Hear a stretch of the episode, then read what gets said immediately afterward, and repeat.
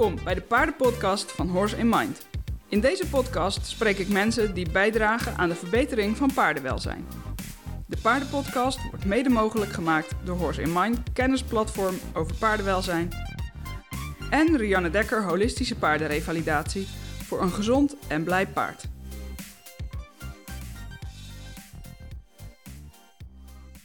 Hoi, ik ben Rianne Dekker en je luistert naar de tiende aflevering van de Paardenpodcast. Um, je gaat zo meteen een gesprek horen met Joey Phillips. En ik had heel erg veel zin om dit, uh, deze aflevering te maken. Uh, ik ken Joey al, uh, al jarenlang van naam en ik heb er denk ik één keer eerder ontmoet. Um, en ik ben altijd heel erg gefascineerd geweest door het werk wat ze doet. Ze is namelijk craniosacraaltherapeut. En dat houdt in dat ze iets doet met het vloeistof tussen het cranium, dus het hoofd of de schedel, um, en het sacrum, het heilige been. Nou, wat dat precies inhoudt en wat ze daar dan mee doet, dat gaat ze natuurlijk zelf uitleggen. Uh, maar leuk is dat we het naast uh, craniosacraal ook nog over andere dingen gaan hebben. Bijvoorbeeld trust techniek en iriscopie. Twee andere dingen waar ze zich heel veel mee bezighoudt. Um, Joey is ook gespecialiseerd in, uh, in headshaking problemen. Dus dat zijn problemen waarbij het paard overmatig met het hoofd schudt. En um, ja, ik ben heel erg benieuwd wat dat dan, uh, wat dat dan allemaal inhoudt. En um, je gaat dus antwoorden horen op al mijn vragen hierover en, en meer. En aan het eind hoor je ook nog een hele toffe winactie. Ik wens je heel erg veel luisterplezier. Dus met welke titel wil je dat ik jou introduceer? Um, ja, ik zou zeggen craniosacraal uh, therapie en een trust technique practitioner noemen ze het dan. Oh ja. Um, ik denk dat, dat het wel omvat. En ik gebruik natuurlijk ook wel een aantal uh, andere dingen, zoals de iriscopie, maar dat, dat, dat hoef je niet direct ja, Niet je in kan, de intro per se. Nou, je kan, je, ja, je kan het gewoon wel zeggen dat ik gewoon een aantal dingen um, gebruik om het paard als geheel in kaart te brengen. Ja. Dus ja, wel een soort van holistische visie op uh, nou, dat je niet alleen craniosacraal behandelt, maar ook kijkt van hoe is het dier mentaal. En, um, ja. en de iriscopie geeft mij weer gewoon weer heel veel meer um, inzicht, ook wel mentaal, maar ook ja, fysiek natuurlijk ook. Ja. Dus het, ja, het zijn gewoon allemaal dingen die ik een beetje bij elkaar heb uh, gevonden. ja, nou ja, dat is helemaal. Uh, dat is waarschijnlijk ook waar het holistische ja. vandaan komt, gok ik. Als je het zo vanaf verschillende kanten uh, ontdekt, als het ware. Ja. ja. Nou, nee, op een gegeven moment dan, dan kom je inderdaad. ja, dan merk je dat alleen cranio niet, niet voldoende is. Dus. Um, ja. Dan zoek je er wel dingen bij. Ja. Dus, want hoe lang ben jij nu craniosacraaltherapeut? Ik ben in... Tenminste, um, ik ga ervan uit dat ja. dat is waar je mee begonnen bent. Dat is een aanname, ik, maar... Ja, ik ben daar in uh, 2010 uh, mee begonnen. Okay. Um, toen heb ik de opleiding van uh, Maureen Rogers gedaan. Of tenminste ben ik ermee begonnen. Zij kwam toen in die tijd naar, naar Engeland toe. En um, ja, ik had toen eigenlijk al meteen na die eerste module dacht van nou, dit, dit wil ik gewoon gaan doen. Was was het toen al bekend in Nederland eigenlijk? Nou, niet, niet, uh, niet echt, nee. Um, het was, uh, ja. Eigenlijk toen ik er begon, mee begon, was het heel slecht bekend eigenlijk. Ja. In, in Engeland wel iets meer, omdat Maureen daar ook alweer wat langer uh, mee bezig was. Ja. Maar um, in Nederland heb ik echt, echt geploeterd toen ik ermee begon. Dat ik echt. Volgens mij was jij wel de, een van de eerste in Nederland, of niet? Ik denk het wel. Um, vind ik ook moeilijk, want er was toen, ik denk ook weer tien jaar geleden, was er weer veel minder op internet. Dus je kon elkaar ja. ook niet zo gauw vinden. Ja. En misschien dat er ook wel andere mensen ook al met cranio bezig waren uh, voor dieren. Maar ik weet niet of er zo specifiek mensen bezig waren uh, voor paarden. Ja. En um, nou, het heeft natuurlijk wel even geduurd voordat ik mijn uh, hele opleiding heb gedaan. Dus ik denk dat ik zo'n beetje in Ja, zou ik weer even in mijn cv-lijst terug moeten kijken wanneer ik die laatste opleiding heb gedaan. Maar, niet maar uit. in de laatste, dus het duurde wel, ja, je, je ontwikkelt je natuurlijk steeds verder. En, Ja. ehm, eh, en in die tijd merkte ik ook wel dat er steeds meer mensen ook eh cranio gingen doen. Ja. Ehm, maar als ik, als ik vergelijk met eh, hoe het nu is en, en tien jaar geleden, dan is het echt, echt een wereld van verschil. Ja, wat, Want ieder, nou ja, als je cranio noemt, dan kijkt niemand er raar van op. Terwijl toen moest je echt gaan uitleggen en ja, dit Ja. kan het betekenen voor je paard en la la la. Nou ja, ik, en ik denk dat er nog steeds best wel wat, wat luisteraars zullen zijn die echt geen idee hebben wat het is. Dus Nee. zou je het eens kunnen, kunnen toelichten? Ja, ehm, en dat is ook altijd een beetje eh, het ding van hoe omschrijf je het zonder dat het eh, te vaag is. Eh, want het, het blijft natuurlijk een energiegerichte therapie. Ja. En, ehm, en wat het eigenlijk is, ehm, als je het hebt over het uh, craniosacrale systeem, dan heb je het over de verbinding tussen, ehm, tussen de hersenen en het heiligbeen. En het is eigenlijk, ik noem het altijd gewoon een snelweg. Ja, dat, dat is waar de titel ook vandaan komt, toch? Eh, Van Ja, cranio, naar craniohoofd en sac sacraal heiligbeen. Eh, snelweg van zenuwen en eh, dus je, je ruggenwervel. En ehm, in de hersenen wordt eh, hersenvocht aangemaakt. En dat wordt in een soort van pompbewe- pompbeweging wordt dat heen en weer gepompt naar het heiligbeen en terug. En die vloeistof die zorgt voor voeding van de ruggenwervel, maar ook voor het afvoeren van afvalstoffen. En omdat dit systeem natuurlijk echt met het zenuwstelsel te maken heeft, ehm, als, als, het- als daar dus blokkade in zitten, in, in, dus in die, ehm, die stroom van het hersenvocht, en eigenlijk noemen we dat een beetje de, de, de derde, eh, of het derde ritme van het lichaam. Wat zijn de eerste twee? Ja, dus je hebt je hartslag en je gewone ademhaling. Oh ja, oké. En het craniosacrale ritme is dus, het- dus, dus het ritme van hoe, hoe dat hersenvocht heen en weer eh, vloeit door je ruggenwervel. En dat, heeft dus, dat, is, dat geldt dus voor alle zoogdieren. Ehm,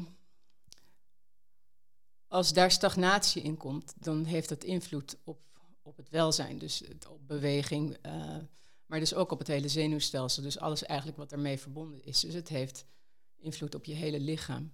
Ja.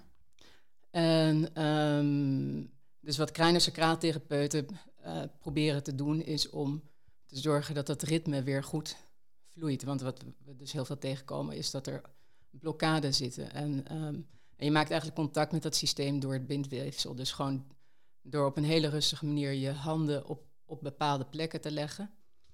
En met intentie te werken. Dus je gebruikt eigenlijk ook nauwelijks druk. Of zeker geen manipulatie. En eh, ja, dus gewoon met intentie om weer dingen op gang te brengen, eh, gebeuren er dus ook dingen in het lichaam. Eigenlijk vraag je het lichaam en het eh, lichaam reageert dan weer. Oh ja. Interessant. En op wat voor, bij wat voor problemen gebruik je dat dan? Ehm, ja, omdat, ja, omdat het dus allemaal met elkaar verbonden is, eh, kun je cranio heel breed inzetten. Ehm, voor paarden kan je ehm craniosacraal natuurlijk heel breed inzetten, omdat, ehm, eh, omdat het met het eh, zenuwstelsel te maken heeft. Dus, dus eigenlijk, ehm, ja, en alles is verbonden met het zenuwstelsel. Dus Ja. ja, ja rugklachten, ehm, eh, paarden die lucht zuigen, want dat zijn eigenlijk ook, ze zeggen ja, verlamming van, van een stemband, maar dat is, heeft vaak ook weer met een, een zenuw te maken. Eh, nou, ik werk natuurlijk heel veel met paarden die eh headshaken. Ehm, ook zenuwproblemen. ehm, ja, wat nog meer? ehm, vage kreupelheden die vaak uit, uit een stijfheid van het lichaam eh, komen. Eh, vaak paarden krijg ik die, eh, die schichtig zijn, die schrikken voor, Oh ja. voor sp- die sp- spoken zien de hele dag, weet je wel. Ja. En dat zijn ook paarden die op de een of andere manier druk op hun hoofd hebben, waardoor het oog niet goed vertaalt wat het ziet. En ehm, als je dat dan weer behandelt, dan komt er weer meer ruimte en dan, dan, dan, dan kunnen paarden weer normaal hun omgeving vertalen.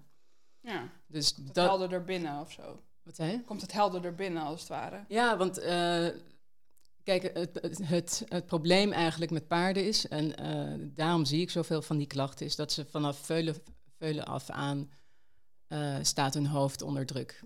Ze worden vaak al met halster het land ingedaan. Um, ja. Andere paarden gaan eraan trekken of ze blijven een keer hangen eraan. Um, en in die jonge tijd is die schedel nog lang niet uh, volgroeid en eigenlijk heel kwetsbaar. Net zoals met uh, humane baby's. Um, ja. nou, je weet hoe voorzichtig je met een baby moet zijn, omdat die schedel zo zacht is.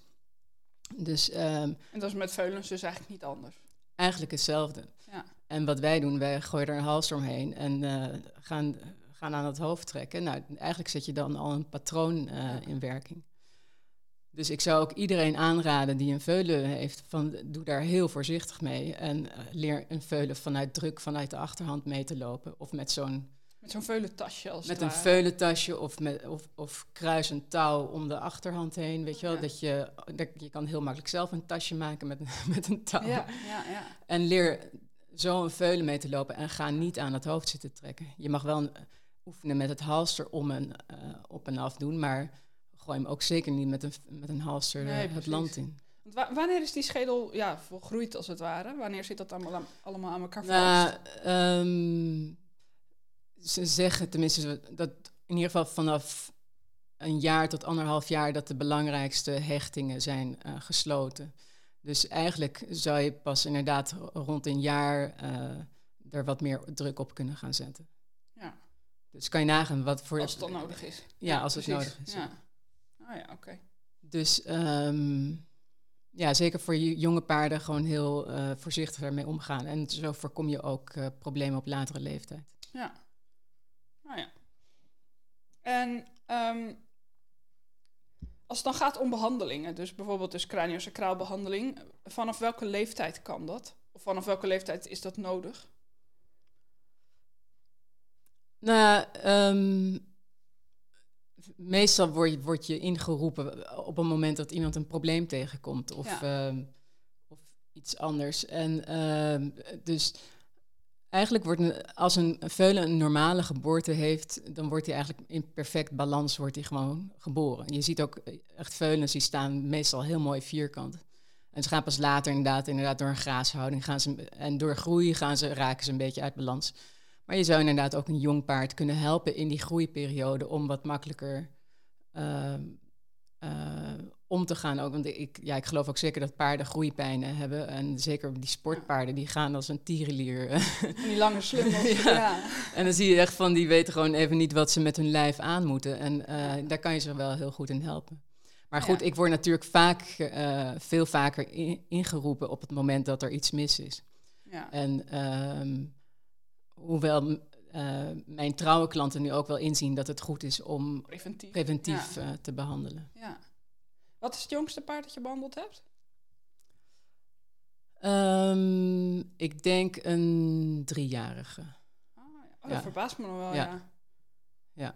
Ja. Maar goed, dat is natuurlijk mijn eigen, mijn eigen bril. Dat ik denk, ik, ik ben heel erg voor inderdaad al veel eerder uh, laten behandelen.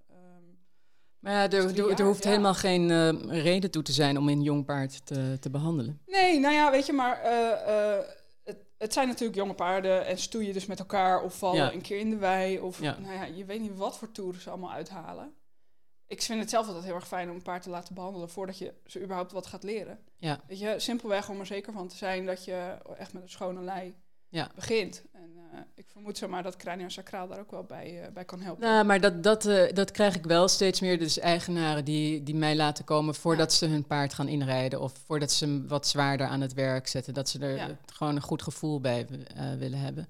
En nou, dat vind ik al, dat is al een enorme shift. En um, dus dat, dat ik in ieder geval ook al vanaf het begin van, van, van het traject van een paard erbij betrokken kan raken.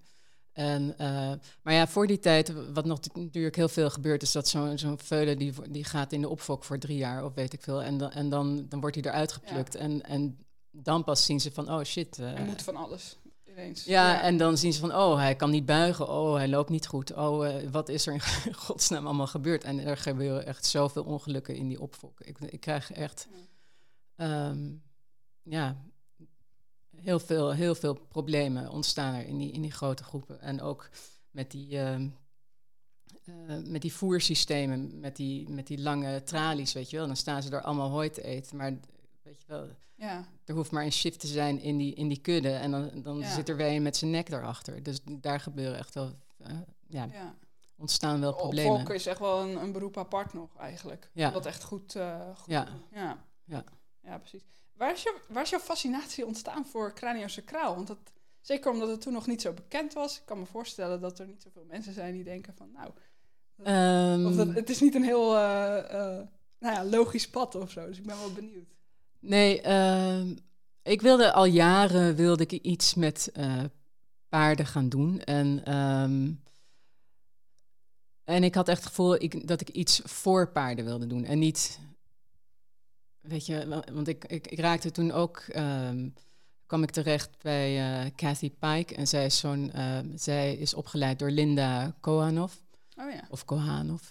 En, ehm, want eerst dacht ik van, moet ik iets met dat coaching gaan doen, met die paarden? En eh, ik dacht, nou, ik ga in ieder geval haar eerste module doen. Dus ik ben een week eh, naar haar toe... Zij was toen in België een week. Heb ik haar opleiding gedaan. En, en dan, ga- je natuurlijk op een gegeven moment ga je zo de, de round pen in. En dan kan je je, heart's desire kan je uitspreken van wat wil je. En eh, nou, iedere keer dat ik die, die eh, eh, cirkel inging, dan kwamen de paarden naar me toe. En die begonnen dan mijn handen te likken. Dus ik had zoiets van, nou... Dus ik was er nog een beetje sceptisch in. En dat is ook natuurlijk alweer elf jaar geleden. En. En toen zei Cathy, nee, je moet, je moet iets met je handen gaan doen. En Oh, dus eh, mooi. dat was wel heel grappig, want ik was er best wel eh, ja, sceptisch in. Maar ik dacht ook wel van, ja, er zou er ook wel iets eh, in kunnen zitten. En ehm, toen ik terugkwam in Nederland, toen ben ik een dag met een osteopaat mee gaan lopen. En, en zij liet mij de energie voelen in het lichaam. En toen dacht ik van, dacht ik echt van, wauw. Dat je dat kan voelen. Ja. Ja. Ja. En, ehm, nou, en toen ben ik gaan kijken van nou, waar kan ik dat nou in godsnaam gaan leren. Ehm, want zij deed meer osteopathie, maar ik wilde meer het, het zachte. Ik was ook helemaal niet eh, ehm, medisch opgeleid of ik had geen eh, specifieke medische HBO-opleiding om, om osteopathie te gaan doen. Eh, dus ik dacht, nou, dat kranio vond ik ook wel heel interessant. En nou, toen vond ik dus eh, Maureen Rogers en uit Amerika e- echt toen zeker nog een, echt een pionier op het gebied van, eh van craniosacraal. En zij kwam toen in Engeland lesgeven. En eh, nou, toen ben ik naar Engeland een aantal keer gegaan. Ja. En sindsdien ben ik gewoon gaan, gewoon gaan doen. Ja. Eh, en het was best een beetje raar, zo in, in het diepe springen. Want Ja. ja, ik had er verder, het was ook helemaal geen ondersteuning verder hier in Nederland. Of iemand met wie je kon sparren daarover. Of van, van, ja. dus En, en had je voor die tijd ook al een baan in de paarden? Of werk in de paarden? Nee. Helemaal niet? ik heb meer een, een, eh, een media-achtergrond. Oh, wat En, grappig. Ik ja. ook. Crossmediale communicatie gestudeerd en nu vol in de paarden. ja, ik heb eh, film- en televisiewetenschappen aan de UvA gedaan. Oh, En, leuk. eh, ja. Dus ik had een hele andere achtergrond en ehm, ook veel met eh, muzieksoftware gewerkt. En ik deed zelf ook veel in de muziek. Dus, eh, dus op, ja, maar het is gek op een gegeven moment, dan, dan heb je weer, zit je weer op een kantoor met je computer en eh, ik zit met allerlei software bezig. En ik dacht van, nou, ik, dit wil ik gewoon niet de rest van mijn leven. Ik wil gewoon naar buiten en ik wil... eh, ik wil met paarden ja. werken. En eigenlijk was een van de dingen was ook mijn. ehm, een van de, de, de directe triggers was ook dat ik toen een heel oud paard had. En eh, ja, dat hij ook heel erg ziek werd. En dat niemand. De dierenarts, eh, weet je, niemand had gewoon echt kijk op van wat er met hem allemaal aan de hand was. En toen dacht ik van, nou, ik wil gewoon in ieder geval vanuit mezelf meer gaan leren van wat, hoe ik paarden kan helpen. En ehm, dat het me niet nog een keer zo overkomt, zeg maar.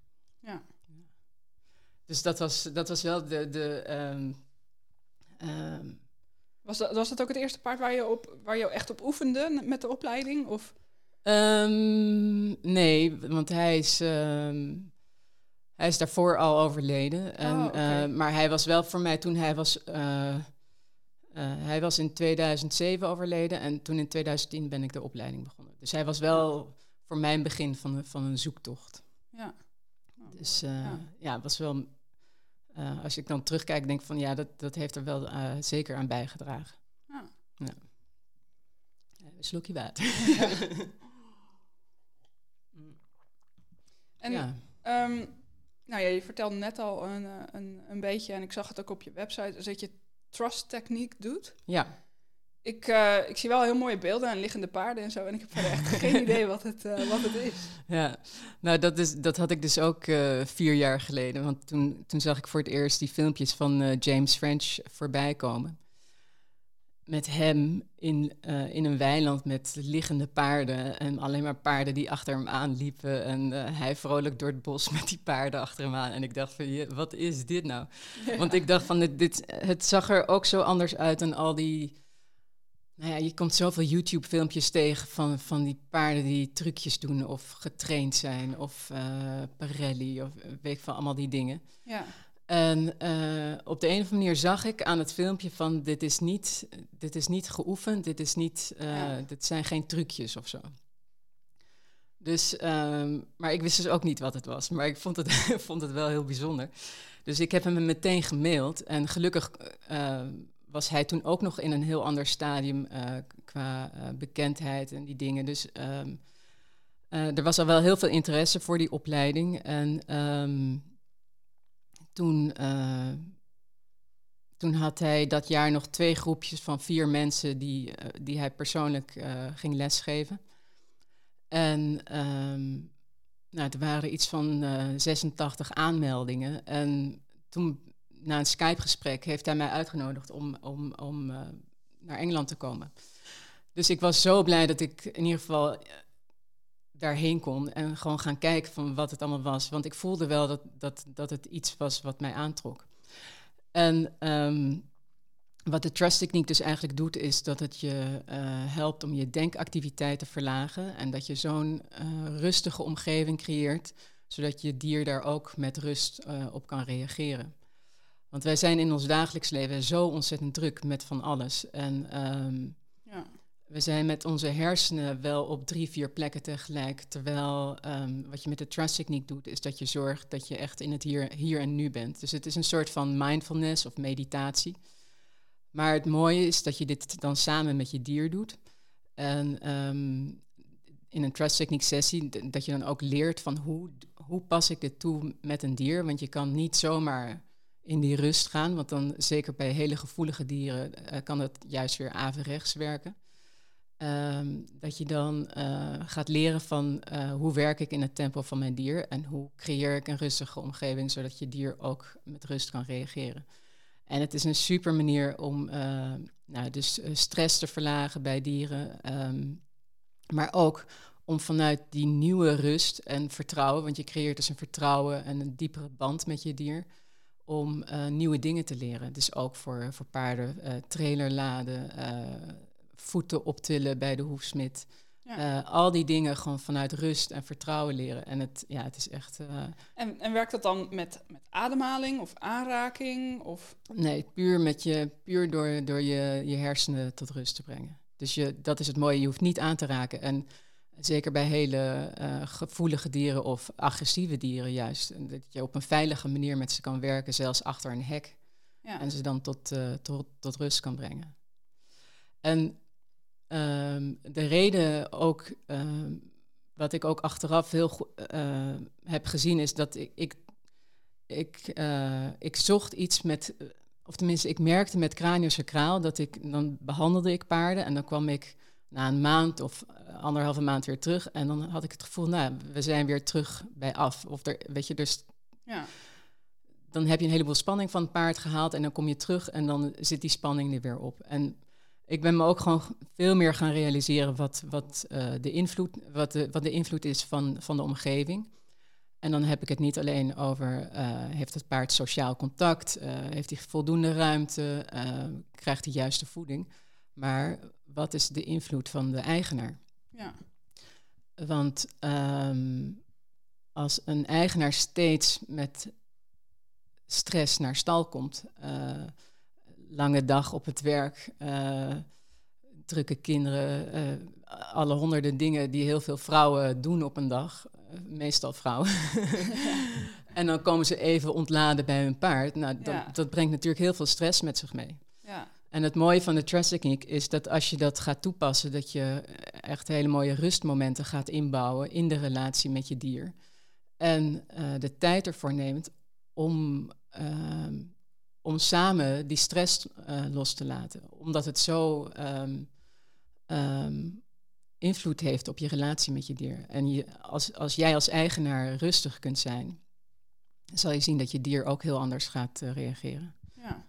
En is het dan iets dat je doet uh, voordat je aan de slag gaat met hem, of achteraf, of tussendoor, of wat? Nou, ik, ik zeg altijd van, um, het, het is ook niet iets van moeten, want dan zit er alweer een soort van uh, dwang of stress op. Eigenlijk van, ik, ik, ja, moet, ik, moet, nu, ja. ik moet nu trust techniek gaan doen. Nou, zo, zo werkt dat natuurlijk niet. Dus je gaat kijken naar de momenten van de dag. Uh, want paarden hebben natuurlijk ook, en andere dieren ook, hun, hun drukke momenten en hun rustige momenten. Je gaat niet de trust techniek doen als een paard 's ochtends de wei ingaat. En dat, heeft, nee, dat heeft absoluut geen zin. Nee. Maar je ziet heel vaak paarden smiddags dat ze uh, rustiger zijn... of dat ze al met, met een kudde al een beetje een dutje aan het doen zijn. Nou, en dat zijn perfecte momenten om, er, om erbij te gaan en uh, om in die rust te gaan. En ga eens een keer niet rijden. Ga eens een keer lekker een uur uh, trust niet doen. Ja. Dat is uh, super ontspannend en, uh, en het brengt heel veel verbinding met je dier. Ja. Dus het is, het is eigenlijk nog meer een, een techniek voor de mens, die de mens helpt en indirect dus ook het paard. Ja. Dan dat het een techniek is die op het paard toepast. Ja, en, en, en het mooie is dat als je dit in je, in je dagelijks leven gaat uh, toepassen, um, dat je inderdaad zal merken dat het voor jezelf een verschil gaat maken. Want um, het wordt bijna een soort van, van uh, way of life, omdat je als je zelf stress ervaart en je weet van hoe, hoe je weer rust kunt brengen, dan is het veel makkelijker om een juist besluit te nemen. Stel, stel dat je een belangrijk besluit hebt en het geeft je heel veel stress en je ligt er wakker van s'nachts.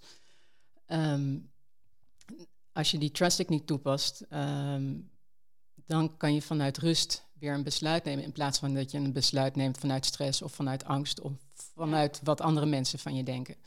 Dus um, het heeft mijn leven enorm veranderd. En uh, ook mijn relatie met mijn dieren. Uh, dus ik heb een kat en ik heb dus nog een ouder paard. En het heeft gewoon een enorme uh, verbinding gebracht. En ja, die, je communica communicatieniveau wordt zoveel dieper als je dit gaat doen. Want je, je pikt veel meer subtiele signalen op. En um, het is, ja, het is bijna, ja, het is gewoon moeilijk uit te leggen zo, maar als je, uh, als je het ervaart, dan, ja, ja. dan denk je van wauw. Ja, ik, uh, ik zeg ja. eerlijk, je maakt me echt heel nieuwsgierig nu. Ja. dus ik denk dat ik daar inderdaad maar eens uh, nou ja, wat, wat mee ga doen. Ik ben wel heel benieuwd inderdaad wat dat, wat dat kan brengen. Ik herken mezelf wel in het, ik bedoel, ik ben niet heel gestrest persoon, maar wel vaak inderdaad met gedachten all over the place. En, uh, ja. Het is wel zo dat als ik eenmaal met een paard in de bak sta, dan ben ik de rust zelf. Hè? Dan, ja. uh, dat is, het is bijna Pavlov-effect, zet mij in de bak. het, uh, ja, maar ja, het is wel, wel een heel interessante, interessante techniek zo te horen. Ja, zeker. Ja, en het mooie is wat, wat ik er dus, wat het ook mij als therapeut heeft gebracht, is dat inderdaad dat ik vroeger had ik ook wel een beetje een soort, soort van ongeduld. Weet je, dan kom je een erf op en je moet een paard behandelen. En dat paard is dan ja. uh, onrustig. Of, uh, en dan heb je al die drukte van al die mensen om je heen. En, je denkt, oh, ik zit met de tijd. Oh, ik zit met de tijd. En um, uh, die trust techniek heeft mij zo geleerd om in het tempo van het dier te werken. En um, nou, dan heeft een behandeling ook zo, zoveel meer effect. En, ja. Ja, en ook gewoon even die stap terugnemen, kijken, uh, luisteren van wat kan wel, wat kan niet. Nou, als dit niet kan, dan probeer ik wat anders, weet je. En vroeger was het meer een soort van, nou, ik, ik moet dit en dat doen uh, om, om die behandeling zo goed mogelijk te doen. Maar, uh, maar die druk is er dus ook af, omdat ik gewoon veel, veel meer kijk van wat is er mogelijk. En, ja. En ook af en toe dan pas ik dus ook die trust techniek toe tijdens de craniobehandeling. En dat, dat helpt uh, die behandeling en, en het paard ook heel erg om, ja. om, om ook vertrouwen in mijn energie te hebben. En, uh, dan is de behandeling waarschijnlijk ook gewoon nog effectiever. Ja, veel ja. effectiever. En uh, ja, het heeft mij gewoon geleerd om echt met, veel meer, nog, met nog veel meer rust te werken. Want cranio is al heel rustig, maar met die trust techniek erbij, ja, je gaat, gaat nog langzamer werken. En, en, en het is inderdaad effectiever. Dan nog iets heel anders, wat ik ook op je website voorbij zag komen, is een iriscopie. Ja. Nou, ik, ik heb echt geen idee. Ik denk dan, ja, het is, een, uh, het is een oog, een kleur en zo, maar blijkbaar kun je daar heel veel aan zien of aan aflezen wat er dan in de rest van het lijf gebeurt. Tenminste, dat is wat ik eruit heb uh, opgemaakt. Ja, wat je dus eigenlijk doet, is dat je een, een, uh, een soort van macro- of close-up foto van, de, van het paardenoog maakt. En um, het oog geeft dus aan um, de structuren, uh, de, de kleuren, de licht, donker, maar um, je kan eigenlijk het oog indelen in, in, in, uh, in hoekjes. Eigenlijk, ik zal je, ik laat jou een beetje een kaart zien, dan heb je een, ja. een voorbeeld. Dus oh, het is, het is, je kan het redelijk schematisch indelen, hoe, hoewel het natuurlijk geen exacte wetenschap is. Ja, um, precies. Dus zijn, het is echt opgedeeld in... In ja. een soort van. Eigenlijk, eigenlijk is het een uh, klok. Voor, ja, precies. Zoals misschien dat sommige luisteraars ook wel uh, een kaart kennen van reflexpunten op voeten of handen. Ja. Is dit eigenlijk een, een soort vanzelfde kaart van de ogen, alleen dan niet met reflexpunten, maar met corresponderende punten in het lichaam? Ja. Zou je kunnen zeggen. En toen ik met die iriscopie-opleiding begon, dacht ik van, nou, jeumig. Um, want het, het, het, die, die, uh, die vakjes waarin alles is opgedeeld op die, op die oogkaart, dat is natuurlijk nooit exact. Want uh, ja. vaak lopen dingen in elkaar over. En um, wat ik dus heb geleerd uh, bij Ellen Collinson, zij is, zij is op het gebied van eroscopie weer echt, echt zo'n enorme pionier. Zij heeft, het, uh, zij heeft jarenlang met dierenartsen gewerkt, maar ook uh, heel veel informatie van de oude zigeuners meegekregen. Weet je, ze is echt zo'n, ze is zelfs een soort van halve zigeuner en uh, zit al jaren in de renpaarden. En um, Um, ja, zij heeft me dus ook echt uh, geleerd van, van uh, als je iets ziet in het oog, om dan ook te kunnen gaan zien van waar, waar het vandaan komt. Want je kunt aan de vorm van de lijnen, aan de stresslijnen in het oog of uh, vlekken, kan je, kan je gaan herleiden van welke kant het komt. Want stel dat je bijvoorbeeld aan de rechter, zeg maar in een linkeroog, hier bij het mildgebied een, een vlek zou zien. Um, maar dan kan je aan de lijnen zien van waar het vandaan komt. En meestal, oh, okay. dus uh, uh, het kan ook vanaf die kant komen of van die kant. Uh, dus dan kun je um, een primaire oorzaak gaan opsporen. En nogmaals, het, um, ik, ik roep ook nooit wat vanaf foto's. Ik zeg wel wat ik zie, maar ik zeg er altijd heel duidelijk bij: luister, dit is geen diagnose want ik, ik vind het ook niet zuiver om, want het is, je kan het niet, niet um, um, keihard vastleggen van zo is het. Ja. Maar alle, alle indicaties bij elkaar die je uit een oog haalt, um, kunnen gewoon heel veel informatie geven. Vaak zie je bijvoorbeeld leveroverbelasting, dat, dat zie je heel, uh, dat is wel iets wat je heel duidelijk kan zien. Uh, bovenin het oog heb je altijd van die soort van, we noemen het, ja, we noemen het meestal druifjes of bolletjes. Of, ja. En uh, wat ik dus vaak zie bij headshakers, dat die vergroot zijn en die geven ook het zenuwstelsel weer. Dus oh ja. voor mij is, uh, ook zeker met al die headshakers, is het heel, geeft het heel veel duidelijke informatie van, komt het shaken vanuit het zenuwstelsel? Of komt het omdat bijvoorbeeld de spijsvertering is overbelast? Oh ja. Um, dus dat is echt heel hele goede informatie. Want dan weet je van, nou, ik, um, ik moet meer gaan kijken van naar, naar de voeding. Uh, ja, wat wat krijgt het paard? Ja. Uh, krijgt hij wel, je kan trouwens inderdaad ook zien van uh, of de mineralen deficiënt zijn in de oog. Je kan ook zien of er bloedarmoede is.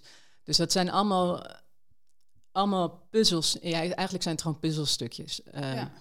Maar ik vind het wel belangrijk om het paard altijd weer als geheel te blijven zien. Dus daarom, weet je, als ik een paard behandel, ja, dan precies, kan ik ook ja. een beetje voelen van, nou ja, wat, wat is er aan de hand. Maar die Het, iriscopie... het is eigenlijk gewoon een, een tool die je kan gebruiken om nou ja, uh, als, als onderdeel inderdaad van het hele paard en van, van al het andere dat je ziet en opmerkt. En dat je dan. Nou ja, misschien wat beter weet in welke richting je het moet zoeken als er inderdaad klachten zijn. En um, eigenlijk uh, bij iedere behandeling, uh, craniosacraalbehandeling, maak ik van tevoren een iriscopie. Dat zit eigenlijk gewoon nu standaard in mijn uh, behandeling. Want ik, het, ja. het geeft mij gewoon echt heel veel informatie. En vroeger deed ik dat meer met een... ik heb ook de leggerantenne opleiding gedaan bij Erik Larakker. En vroeger ging, oh, ik, meer, ging ik meer meten en, en doen.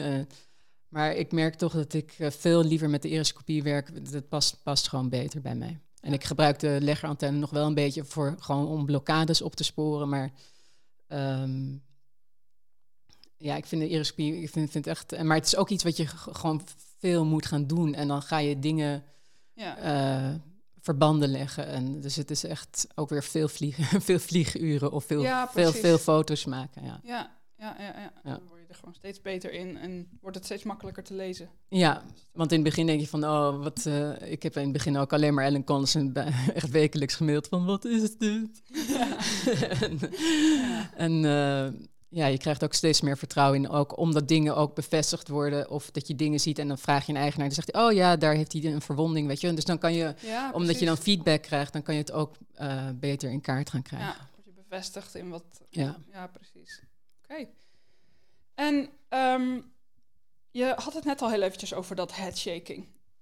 Um, ik, ik weet dat uh, bijvoorbeeld craniosacraaltherapie een, uh, uh, een, een effectieve therapie kan zijn bij headshaking. Maar kun je wat vertellen over wat het nou eigenlijk, wat het nou eigenlijk is? Waar, waar komt het door? Is het te voorkomen? En waarom helpt craniosacraaltherapie? Nou er zijn volgens mij, ja, ik denk dat we nog nauwelijks grip hebben op dat headshaking. Um, ja. Ik denk het, het komt uh, omdat paarden, dus inderdaad, zoals ik al eerder zei, gewoon continu druk op hun hoofd ervaren. Dus of het nou is van een halster, um, hoofdstel, bitten, neusriemen. Uh, en dan heb je nog de ongelukken, dus het uh, ja. hoofdstoten blijven hangen. Er zijn heel veel oorzaken voor headshaking. Uh, de meeste, waar, tenminste waar, waar ik paarden succesvol in behandel, dat zijn paarden uh, met schedeltrauma. Dus paarden die hun hoofd hebben gestoten, um, zijn blijven hangen, um, uh, door de jaren heen te veel druk op hun hoofd hebben gehad. Van paarden die hoog in de dressuur hebben gelopen, bijvoorbeeld. Um, maar ik heb ook redelijk. Ja, dat, dat kan dus komen eigenlijk door, door een ja, zenuwoverbelasting uh, of, of dat een zenuwklem komt te zitten. Nadat als een paard is gevallen of zijn hoofd heeft gestoten, dan kan er net een, iets van een verschuiving zijn in de, in de schedelplaten, waardoor weefsel en zenuwen onder druk kunnen komen te staan. En vaak zie je dat het paarden zijn die in de zomer heel veel gaan schudden. En dat komt dan meestal omdat het dan warmer is en dan alles uitzet. en uh, en het lijkt dan ook vaak op een pollenallergie. Oh, ja. Omdat uh, er is al die druk op die zenuw. Dus eigenlijk is iedere extra trigger is dan weer... dan kunnen ze gewoon niets meer hebben. Dus dan is het of zonlicht. Ja, precies. Ja. Dus die ogen die, die, die kunnen het licht niet meer aan. de, de luchtwegen kunnen niet meer de, ehm, de pollen aan. en eigenlijk omdat alle zenuwuiteinden in de ja, bij de neus komen. Dus dan, dus dan lijkt het net of een paard super allergisch is. Want die staat de hele dag te nou ja, Inderdaad, wat je ook wel vaak ziet, is dat, uh, dat er dus bijvoorbeeld een uh, neusnetje gebruikt wordt... Mhm. omdat ze pollenallergie uh, vermoeden of een UV-werend masker. En allebei helpt het het headshaken verminderen. Ja. En dan is, denk ik vaak onterecht dus de conclusie dat het pollenallergie is geweest. Of uh, zonneallergie of weet, weet je, zo'n gevoeligheid is geweest. Nou, wat er dus eigenlijk nog meer aan de hand is. Wat, wat zo'n pollennetje doet, die, die, uh, uh, die drukt eigenlijk de neusgaten een beetje dicht. Dus het, um, wat je ook ziet, paarden die niet zo'n netje op hebben, die gaan uit zichzelf met hun neus tegen een muur aanstaan. Om, Oh ja. om, om die zenuwen maar een beetje te, eh, ja, hoe noem je, een beetje af te drukken. Ja. Eh, ik heb zelf zulke eh, erge headshakers gehad, die gingen zichzelf verdoven met hun neus tegen het schrikdraad aan. Dus zo erg is die prikkeling. En ik kan me dan Ja. voorstellen dat, die, ze die dat. prikkeling vervangen ze dan dus eigenlijk gewoon door, Ja. door pijn, omdat dat beter te tolereren is. Ja, en eh, die, en een pollennetje. eh, wat is nou het goede woord ervoor? Die, die haalt ook een beetje die prikkeling weg, denk ik. Omdat het, het, Ja. het, het, het, sluit die neusgaten een beetje af. Ja, Dus ik denk dat in die zin een pollennetje eh, niet zozeer de pollen weghoudt, maar dat het Hm. juist de, de, de neusvleugels een beetje tot rust brengt. ja. Ken, je- ken je het duct tape effect? Ja, ja, precies. Heeft het misschien een beetje soortgelijk... eh, zou ook kunnen. Ja, Ja. precies. Oké. Ja. En wat ik dus vaak zie is dat paarden die in de zomer schudden, dat die uit, als ze niet behandeld worden, dat, ze uiteindelijk het hele jaar door gaan Ja. schudden. Want dat, dat, die emmer die loopt steeds voller en ja, op een gegeven moment eh, ehm, kan ook gewoon een winterzonnetje is dan ook al te veel. ja. Ehm, maar dat zijn dus de, de, eh, de paarden met zenuwproblemen. Eh, maar goed, een paard kan ook gaan headshaken door een herpesvirus. dat is de poes. De poes gooide even wat van een... eh, Ja, een die had even wat ruimte nodig. Ehm, ja, dus herpesvirus, eh uveitis. Ik zie paarden, dus die, eh, die staan dan zo met zo'n oog te knijpen. En eh, dankzij die iriscopie ook heb ik nu al een paar paarden kunnen helpen. Want dan zie ik een, een wazig eh, hoornvlies. En dan stuur ik ze meteen door naar de dierenarts. En eh, dan na behandeling stoppen ze dan vaak ook met, met schudden. Dus ook belangrijk als je een paard hebt met, eh met headshaking... om te kijken of die ogen wel eh, oké Ja. zijn. Ehm, paarden die insulineresistent zijn, die eh, kunnen ook gaan hoofdschudden. puur omdat die, die stressfactors zo hoog zijn in het lichaam. ja. Dus er zijn heel veel dingen die het zouttekort, mineralen disbalans, er zijn gewoon echt heel veel dingen. Dus je, En, De- en komt dat dan uiteindelijk allemaal neer op, op dus compressie van de schedel? Of... Eh, nee, die andere dingen die ik net noemde, dat is meer ehm, metabolisch of eh, ehm, dus inderdaad eh eh, mineralentekorten en zouttekorten. Dat zijn allemaal dingen die invloed hebben ook Ah. op het zenuwstelsel. Ah ja, oké. ja. Dus dat, dat, he- dat staat los van, van, van schedelcompressie. Schedelcompressie moet je echt zien als fysiek trauma. ja, En al die andere dingen zijn meer, meer metabolisme van klopt, eh, klopt de voeding, klopt de mineralenbalans. Ja. eh, zijn, spelen er andere dingen zoals insulineresistentie eh, of andere metabolische dingen. Paarden met Cushing bijvoorbeeld. En hoe help jij ze dan? Ehm, nou, in, eerste instantie door craniosacraal te behandelen. Ik zie ook, zeker met schedelcompressie, heel veel paarden die hebben gewoon een scheef hoofd. Eh, door, door de druk die ze hebben ervaren. Eh, je kan gaan kijken naar de ogen, staan die symmetrisch, de neusvleugels. ehm, dat zijn En ik, en allemaal... ik denk voor, voor mensen die niet, eh, nou ja, niet gewend zijn om op die manier naar gezicht te kijken, kan het denk ik heel eh, leerzaam zijn om gewoon een foto te maken recht van voor. Ja. En die eens te bekijken en gewoon lijntjes te gaan trekken. Ja. Ik denk dat dat een heel, heel goede manier is van leren kijken naar de symmetrie. Ja, en je kunt ook, eh, als je paard rustig genoeg is, kan je bijvoorbeeld ook gewoon met je handen langs de jukbeenderen gaan en gaan voelen van, nou, staan die op dezelfde hoge, hoogte. Ehm, je kan heel voorzichtig je, je vingers langs de ogen leggen en dan zie je dat je ene vinger hoger is dan ja. de ander. Ja. Dat zijn allemaal dingetjes, want het is ook nog wel even oefenen om een goede foto te nemen. Want eh, Ja. Ik zie precies of ik een Ik maak altijd vier, vijf foto's van een hoofd. Want dan Ja. zie ik als een oog net zo staat of zo, dan ja, precies. en ja. of een paard kantelt net zijn hoofd, dan is het heel moeilijk om, om die symmetrie te zien.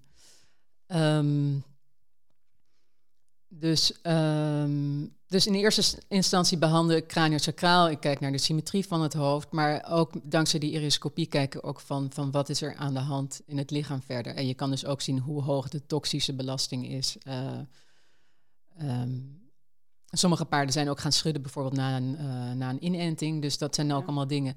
Ehm, afhankelijk van hoe die, hoe die spijsvertering is, dan verwijs ik ook vaak weer door naar, naar een voedingsspecialist. Ehm, heb ik het idee van, nou, het schudden is echt, heeft verder niks met zijn hoofd te maken of uh, met zenuwbanen. Um, maar de eigenaar geeft wel aan van, nou, hij is gaan schudden na die laatste enting. Nou, dan, dan zeg ik van, nou, ga liever naar een, een, goede holistische dierenarts of naar een homeopaat die kan helpen met die, met die entingfrequenties. Want dat, dat is echt, um, dat zijn, de, vind ik eigenlijk meer de ingewikkelde gevallen. En daar kan ik zelf ook niet zo heel veel mee, behalve dan dat ik zeg van, ja, je moet op de een of andere manier dat immuunsysteem weer gaan opkrikken. Maar dat is niet mijn specialisme. Dus ik als ik het gevoel heb van, nou, dit zit meer in die hoek of dat zit meer in die hoek, dan, dan verwijs ik door naar de juiste uh, specialisten. Precies. Dus het, als ik het zo hoor, vind je eigenlijk het, het, belang van holistisch naar het paard kijken ook wel heel belangrijk. Dus het is niet alleen maar gewoon het lichaam, het zijn ook gewoon alle omgevingsfactoren, weten naar wie je kan doorverwijzen of in wat voor hoek je het moet zoeken. Nou, dat is wel het leuke van nu al een aantal jaar bezig zijn, is dat je er komen natuurlijk andere mensen op je pad die, uh, die mij ook veel geleerd hebben, maar uh, aan wie ik ook weer kan doorverwijzen. Van ik denk nou, die, is, die weet veel meer van voeding af dan ik, dus dan stuur ik daar naartoe. Of ik denk van nou, die weet veel meer van uh, homeopathie of dat.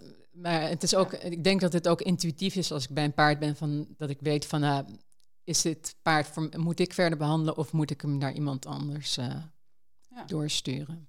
Ja, precies. Ja. Maar dat vind ik ook. Uh, ja, dat hoort er ook gewoon bij. Dat je, dat je niet, niet met je oogkleppen op alleen maar gaat behandelen. Maar je ook gaat denken: van wat, wat, wat, wat heeft dat paard nou echt nodig? Ja, ja precies. Nou, mooi. Op die, ik denk dat op die manier de paarden uiteindelijk het meeste geholpen zijn, natuurlijk. Ja, en. Um, ja, en jezelf ook. Ik bedoel, het heeft voor mij ook, eh, het geeft mij ook geen goed gevoel om een paard te behandelen, terwijl ik misschien van binnen weet van hij is bij iemand anders, zou die misschien beter af zijn. Of, uh, uh, of het zit meer in die richting. Ja. Dus, um, maar ja, ik moet zeggen, tot nu toe met die headshakers, want vaak ben ik wel een soort van laatste. Uh, ben ik wel het eindstation, zeg maar. Ja. en dan zijn ze al bij, ieder, zijn, ja, zijn ze bij iedereen al langs geweest. Um, en dan is het meer inderdaad meer regulier en uh, zijn ze op de foto's geweest. Soms hebben, ze, soms hebben ze al een MRI-scan gehad. Uh, zijn de zenuwen onderdrukt. Uh, hebben ze allerlei best wel heftige behandelingen gehad. Ja. Dat, dat vermoed ik dan. Maar komt dat dan doordat ze in eerste instantie dachten van ja, craniosacraal, weet je, wat, wat moet ik nou kunnen gaan doen voor zo'n extreem probleem? En dat ze het dus eerst regulier of of zo zoeken en dan pas. Nou, ik, ik vind het ook wel verstandig hoor. Om, uh, en veel mensen uh, die hebben gewoon uh, een goede relatie met een dierenarts, wat mm-hmm. natuurlijk ook belangrijk is. Dus die, die gaan als eerste naar hun dierenarts. En, ja. en als de dierenarts het niet op kan lossen, dan, dan worden ze vaak naar Utrecht doorverwezen. en dan gaan ze zenuwen blokkeren om te kijken van wanneer schudt hij wel, wanneer schudt hij niet. Uh, dan gaan ze aan de slag misschien met uh, antihistamine. Uh, prednison wordt ook heel vaak gebruikt. Maar um, ja.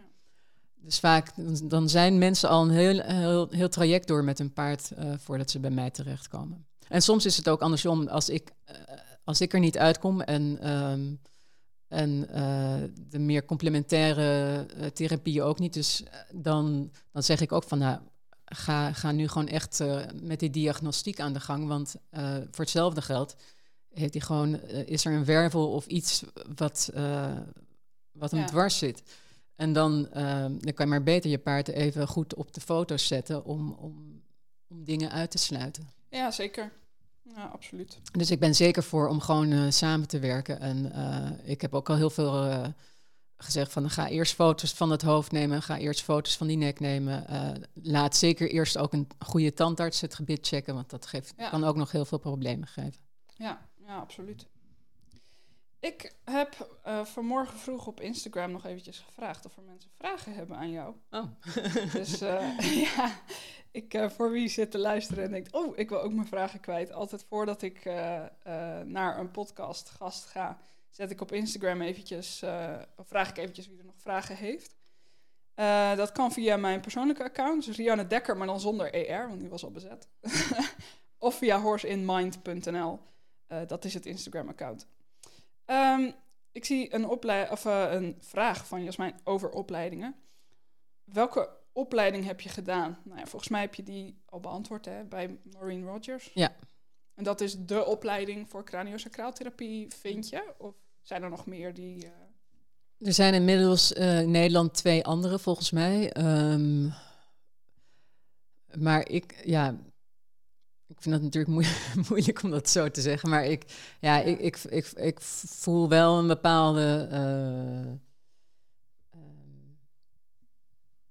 ja, ik denk wel dat je bij Maureen een, een, goede opleiding krijgt. Ze is wel, wel wat uh, aan de prijs tegenwoordig. Dat hoor ik ook wel. Dat ze, Maar je zit wel echt bij de oorsprong. Ik, je zit wel bij de oorsprong. En um, het is ook wel iets waar, waar ik omdat er inderdaad heel veel vraag is um,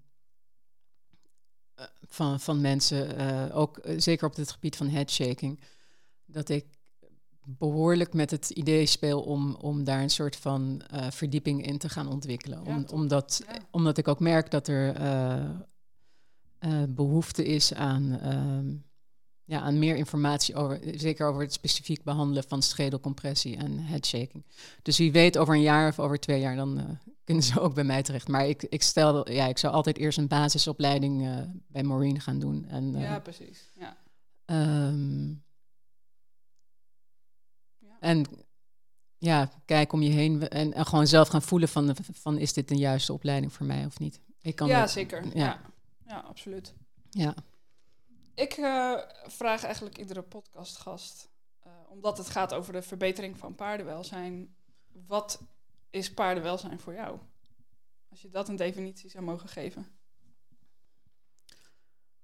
Um, ik denk dat een, uh, wat welzijn voor mij is dat, dat een dier gehoord wordt. Um, dat je luistert en um, en dat is, dat, dat is gewoon, ja, dat, dat heeft natuurlijk ook met die, met die trust techniek te maken, maar voor mij dan. Maar dat je gaat uh, kijken van wat, uh, wat communiceert een dier.